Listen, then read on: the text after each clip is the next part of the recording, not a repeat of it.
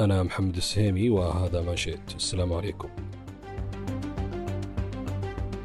يوم جديد وأخبار جديدة من مانشيت أه، تحت رعاية خادم الحرمين الشريفين حفظه الله أعلن الأمير فيصل بن بندر أمير الرياض انطلاق أعمال النسخة الثالثة من المنتدى الدولي للأمن السيبراني. على مدار يومين في العاصمة الرياض تحت عنوان رسم الأولويات المشتركة في الفضاء السيبراني. وتنظم هذه النسخة الهيئة الوطنية للأمن السيبراني بالتعاون مع الشركة السعودية لتقنية المعلومات سايت.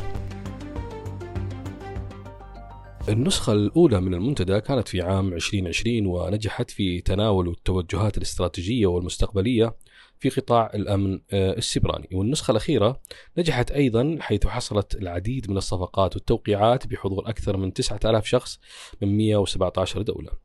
أما النسخة الثالثة فالحدث أضخم وأكبر. وأعمال المنتدى انطلقت بمشاركة أكثر من 150 متحدث من 120 دولة وبحضور نخبة من صناع القرار والرؤساء التنفيذيين من المنظمات الدولية ذات العلاقة بالمجال.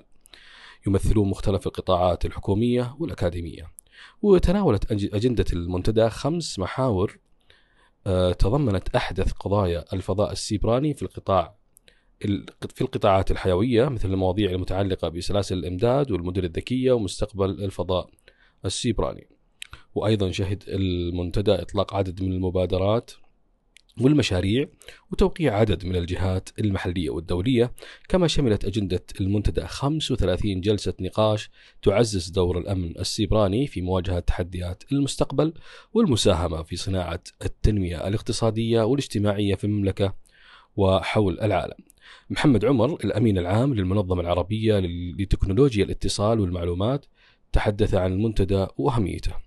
المنتدى العالمي للأمن السبراني الذي فرض نفسه يعني كمنصة عالمية وإقليمية عربية حتى يكون يعني من أقوى المنتديات التي تعالج مسألة هامة ومطروحة آه، بجد اليوم وهي مسألة الأمن السبراني حضور العديد من الخبراء العالميين والعديد من الفاعلين في هذا المجال آه، يعطينا يعني انطباع جيد وجيد جدا حول هذا المنتدى العالمي للأمن السبراني. السبراني المملكة أصبحت رائدة اليوم في مجال الأمن السيبراني بسبب اهتمامها بجميع الجوانب المتعلقة بموضوعات الأمن السيبراني. وفي ديسمبر الماضي كان كانت في نقلة نوعية على مستوى الإقليمي العربي عندما تمت الموافقة على إنشاء مجلس وزراء الأمن السيبراني العرب. في مدينة الرياض بهدف تنسيق الجهود بين الدول العربية فيما يخص جوانب الأمن السيبراني في ظل ازدياد التهديدات السيبرانية على دول العالم. فإذا كنت من المهتمين بهالمجال ومستقبله آه، فاليوم هو اليوم الثاني والأخير للمنتدى ويمكنك الحضور عبر التسجيل في الموقع الخاص بالمنتدى وطلب الحصول على بطاقة دخول كما يمكنكم الاطلاع على المزيد من الأخبار والفعاليات من خلال تطبيق مانشيت الموجود من خلال App Store و Google Play موعدنا معكم الأسبوع القادم بإذن الله. مع السلامة.